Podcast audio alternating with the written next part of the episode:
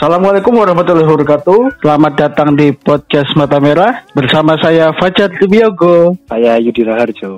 Oke, sekarang eh, kita mau bahas apa nih?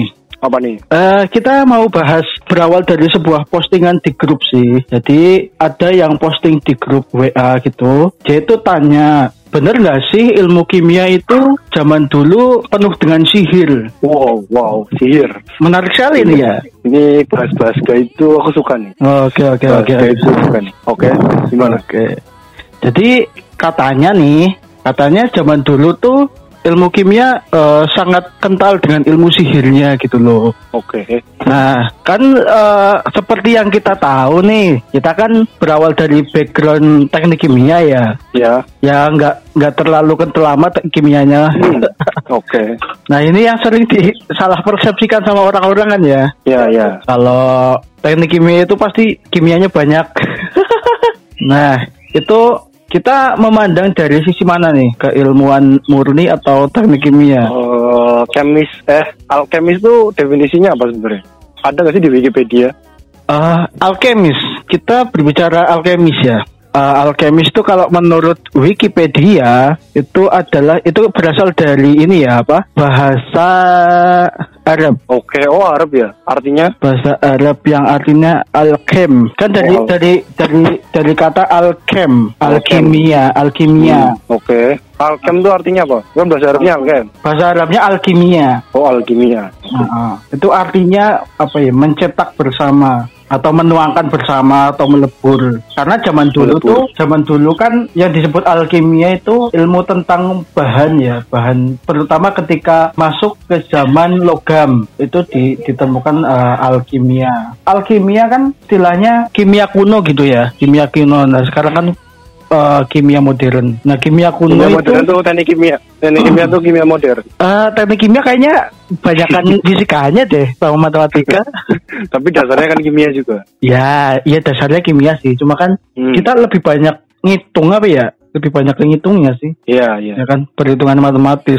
Zaman dulu itu proto science. Proto science berarti kan sains awal ya, sains kuno Hmm. yang menggabungkan unsur-unsur kimia, fisika, astrologi, seni, semiotika, metalurgi, kedokteran, mistisisme dan agama. Uh, ngeri ya. Itu percampuran dari semua itu.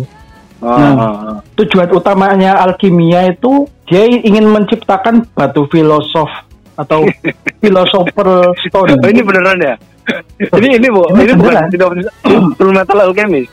Nah, kalau kalau di Full Oh, Metal. Alchemist ya, itu beneran Mas.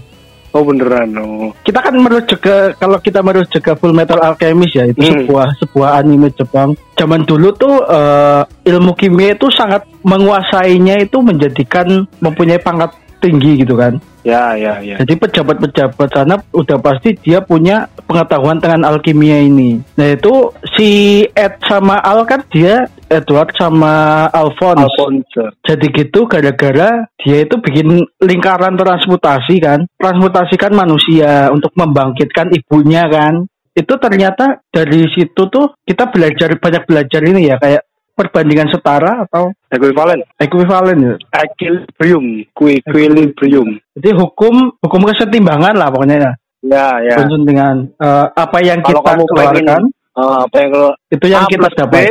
A plus B sama dengan C plus Iya. D. Nah, Ya itu. kan? Ah. jadi intinya ke- apa yang ingin kita dapatkan yaitu setara dengan apa yang kita keluarkan gitu kan. Setara ya. Setara, Setara. tuh nggak sama. Huk- hukum setara Kacamatannya sama balance antara balance. eh, ruas kiri sama ruas kanan tuh sama. Ya, kalau Balance. Tapi eh, bahannya apa tuh beda. intinya balance.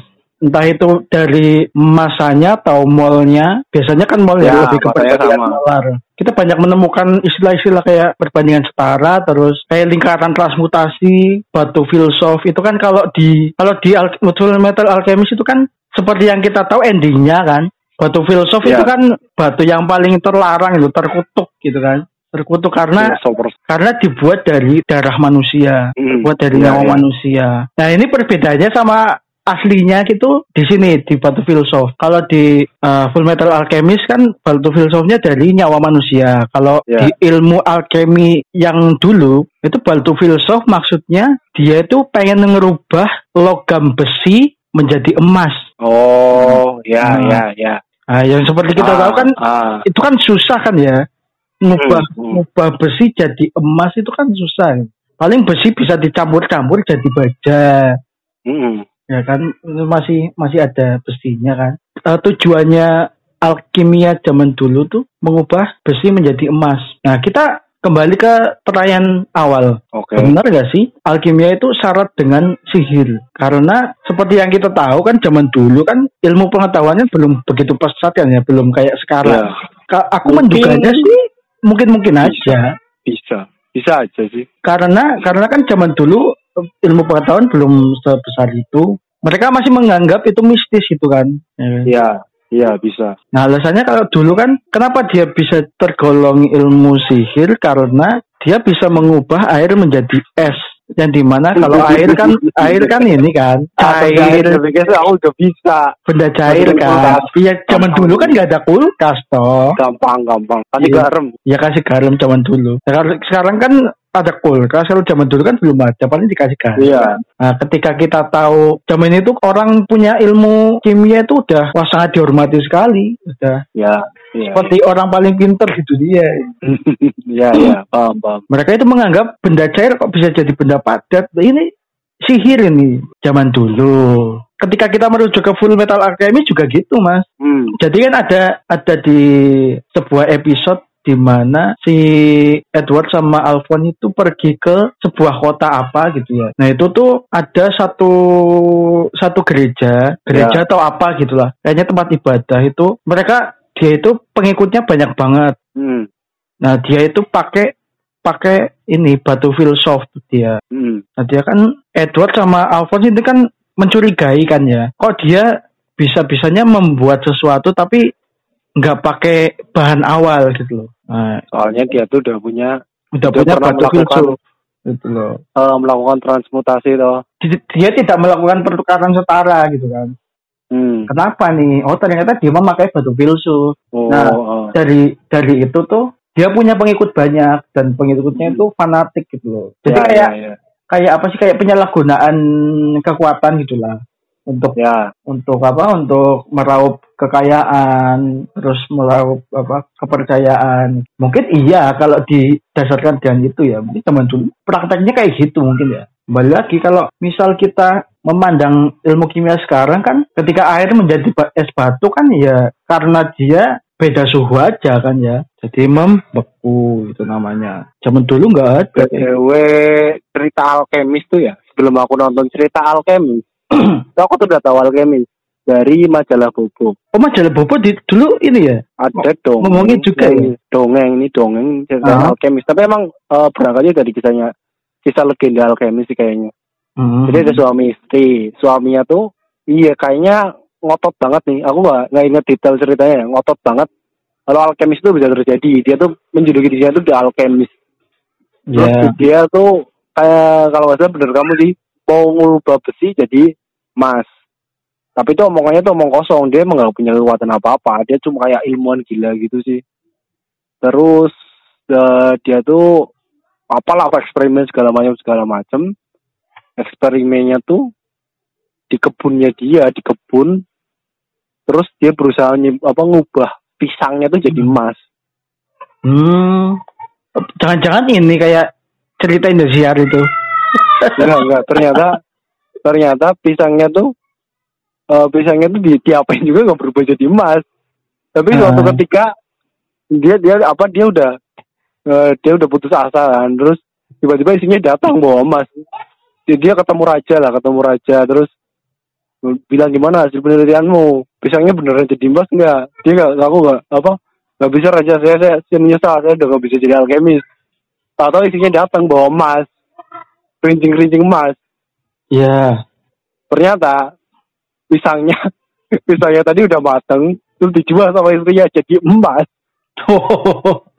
terus Oh. ya itu itu dongengnya tuh ngajarin itu pesan moralnya alkemis itu nggak ada jadi jangan ngomong kosong istrinya tuh ya itu yang realistis Iya iya iya iya iya. Ya. itu kayak gitu lah ini. dongeng dongeng kalau nggak salah ini ceritanya kayak itu ya gitu Ah. Pokoknya kok oh iya ya konyol sih masa bisa mengubah mengubah pisang jadi emas ya bisa bisa diubah kalau dijual kan jadi emas Iya sih. jadi dijual jadi emas bener iya sih bener.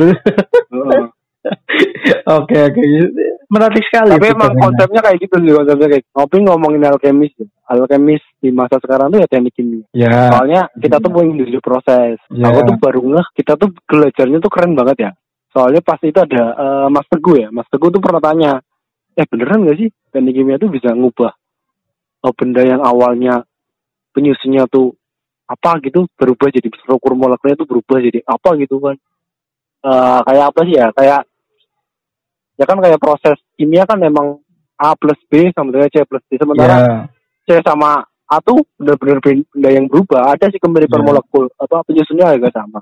Tapi Kayak kan itu du- dua benda yang berbeda. eh, kayak lemak jadi sabun. Ah Ya, ya ya kan itu benda-benda yang berbeda kan. Benda yang berbeda dan dia itu kalau disatuin kan nggak bisa saling tolak belakang. Ya itu kan jadi kita kan mainnya di industri proses. Proses Ya, itu ya. kan emang dari awalnya apa bisa berubah jadi sesuatu yang sangat berbeda. Kalau manufaktur manufaktur itu kan cuma nempel, nempel memang merubah bentuk. Ya Cuma merubah fisiknya- bentuk sama fisiknya aja. eh, fisiknya aja kan ya. assembling apa dibuat di tempat apa sih di cutting apa segala itu kan Hmm. manufaktur doang Ya, ya, bendanya merubah tetap itu ya. kain kain ya tetap kain besi ya tetap besi Mm-mm. cuma ditambah tambah tambah gitu aja Iya iya iya. ya, kita keren banget kan teknik kimia itu keren banget keren teknik kimia Iya iya. aku alkemis kan aku tuh alkemis Alkemis. Kita itu alkemis. Alkemis, alkemis di masa modern Iya iya iya iya iya. iya. keren nggak nggak Oh jadi jadi merasa keren saya loh mas. keren loh Habis diceritain itu jadi merasa keren ya. Keren gitu kita Padahal- ah, aja kita tuh kayak kayak ini kayak Edward Eh, aja. langsung oh. Oh, iya iya iya. Tapi dulu kan memang karena syarat akan sihir karena apa ya adanya lingkaran transmutasi itu kan. ya ya Itu kan kayak kayak sihir lah. Tapi nggak Oh. tahu juga sih itu emang benar-benar sihir apa enggak gitu kan. Kita belum ya nggak tahu sih nggak tahu juga. itu keren yang apa yang Ray Mustang ya Ray Mustang yang bisa keluarin api itu keren Eh, ngeruain api ya. Kan disapu Hmm. tangannya ya lingkarannya kan disapu tangannya Tapi dia sangat lemah kalau lagi hujan. kalau lagi hujan lemah banget Lemah banget. Jadi cukup banget. Ketika kita bicara ilmu zaman dulu ya kayak alkimia, itu pasti sedikit banyak ilmu itu sangat berjaya di dunia Timur Tengah zaman dulu tuh, oh iya iya ya kan? Eh, ketika bangsa Eropa mengalami apa kegelapan, jadi kan World of Void World Ah. of Void zaman dulu tuh bangsa Eropa mengalami kemunduran karena apa? Oh oh Karena kalau kalau ini kisahnya ya ini udah beberapa beredar banyak sih. Hmm. Karena otoritas keagamaan di sana itu menyalahgunakan kekuatannya gitu. Jadi kayak apa? menya- menyalahgunakan posisinya. Karena kan dulu otoritas Korup. keagamaan korup itu korup ya korup lah. Makanya orang-orang yang kita sebut non Islam itu pasti mereka berpandangan kalau pemerintahan dengan agama itu harus dipisahkan. ya hmm. Karena mereka mengalami itu dulu Hmm. itu ya bisa dimaklumi lah. Kalau kita kan tidak, kita ketika bangsa Eropa mengalami kemunduran, justru bangsa Timur Tengah sedang jaya-jayanya nih.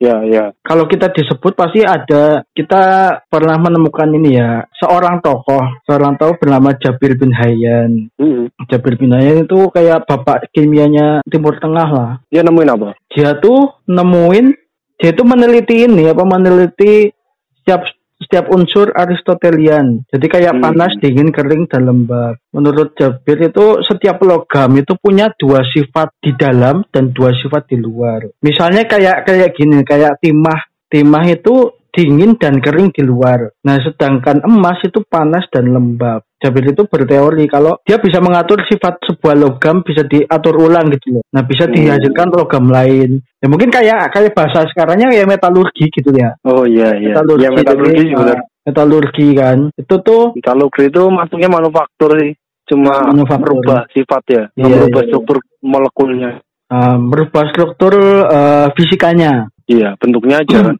Ya, di bentuk dan, tempat manufaktur. Uh, bentuk dan campurannya paling ya kayak misal iya. besi menjadi baja kan itu ada campuran oh iya Uh, besi jadi baja bisa ditambah karbon. Ya kan? Besi tambah Sampai karbon.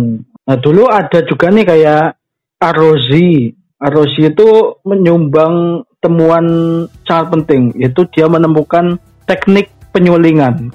Kalau di kita namanya distilasi. Itu Arozi. distilasi itu distilasi hujan ya satu persen air 99% kenangan Waduh. distilasi sempurna Eh, terjadi sempurna pendistilasi Ya, ya. distilasi Eh, pas kan mendung-mendung kayak gini Nah, terus dia itu menemukan asam klorida, uh, asam ya? sulfat. Asam klor jangan-jangan dia bedah-bedah lambung dulu taunya ada asam klorida lambung Mungkin kita ya. menghasilkan asam klorida Mungkin juga ya. terus dia itu menemukan ini ya, asam nitrat, terus alnatron yang disebutnya dengan alnatron, terus alkali, hmm. alkali. Nah, dia itu bikin nama natrium sama kalium. Terus pokoknya Hmm. banyak lah pokoknya. Itu baru sebagian kecilnya dari penemuan-penemuan yang ada di hebat ya orang-orang dulu tuh bisa menemukan banyak macam aku menemukan jodoh aja belum ketemu oke Oke, oke, oke, oke. masuk masuk gimana Nah, gimana gimana ketika kita tadi kan udah bahasa Eropa, terus Timur Tengah, terus ternyata di Cina juga berkembang. Kalau di Cina itu lebih identik ke eh, pengobatan, sangat terkenal dengan ramuan pengobatannya. kan tabib dulu kan banyak kan di Cina ya Ya, tabib tabib dan shinsei apa tuh? Eh, ramuan-ramuan herbal. akupunktur. Oh iya Itu termasuknya ya? iya itu termasuk jarum karena yang di Cina itu sangat identik dengan obat-obatan. Dari zaman dulu sampai sekarang juga masih banyak ya? Iya. Eh herbal-herbal kayak gitu kan. Hmm. Habatus sauda ya namanya batu soda ya di Arab lah jintan hitam itu sih. Itu kan dari segi kedokteran ya. Hmm. batu sauda nah kalau di Indonesia belum ada nih kayaknya nggak tahu nih. Nggak ada catatan sejarahnya apa mungkin manusia zaman itu belum sampai Indonesia